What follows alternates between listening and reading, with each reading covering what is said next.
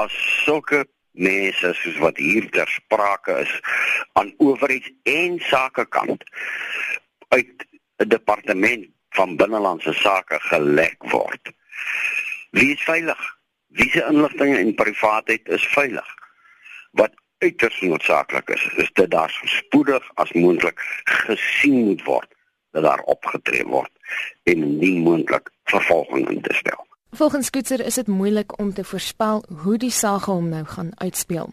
Hy glo dit is wel belangrik dat die regering landsburgers se vertroue in die staat en sy strukture moet herstel.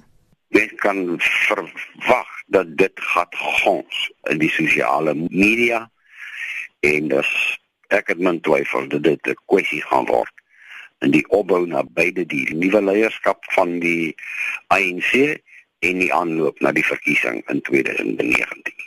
Hy sê daar moet so gou as moontlik sake oopgemaak word teen mense wat geïdentifiseer is, maar dat dit in sy woorde moet plaasvind aan weerskante van die draad. Mense moet onthou wanneer jy met sulke korrupte sake te doen het, is daar twee partye betrokke. Daar's mense binne die staatsopset, maar hulle word betaal deur mense in die private sektor. Dit is ook onwettig. Dit was 'n oud parlementslid en inligtingbeampte vir die destydse nasionale party, Piet Koetser. Intussen sê die direkteur van BDK Prokureurs, Ulrich Roo, regsaksie kan geneem word sodra ondersoeke geloods is en bewyse ingebring kan word teen die skuldige partye. Dit is uh, private en konfidensiële inligting daai, jy weet, uh, slegs die departement van binnelandse sake mag eintlik in besit wees van persone wanneer hulle oor grense gaan. So is iemand wat die perke van sy aanstelling oorskry en wat dissiplinêr verhoor kan word in terme van dit.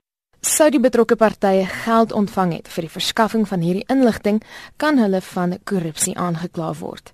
Finansminister Malusi Gigaba, wat ten tye van die gebeure die minister van binnelandse sake was, kan ook 'n ondersoek teen hom verwag. Was hy beïnvloed om om seker te maak dat hierdie inligting aan die Gupta familie gelek word?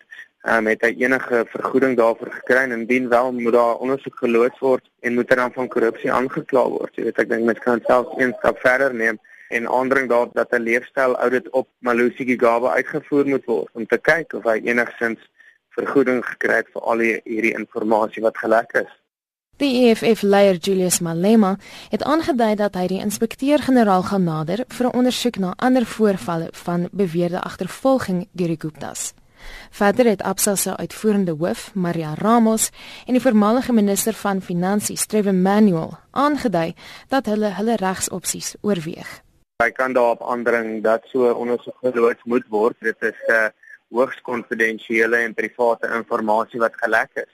Andersins kan hulle natuurlik 'n saak in die siviele hof loods om te sê dat hulle reg tot privaatheid geskend is en dat hulle derhalwe skade gely het. Dit was Ulrich Roo, 'n direkteur by BDK Prokureurs. Ek is Marlene Forsie vir SAK nuus.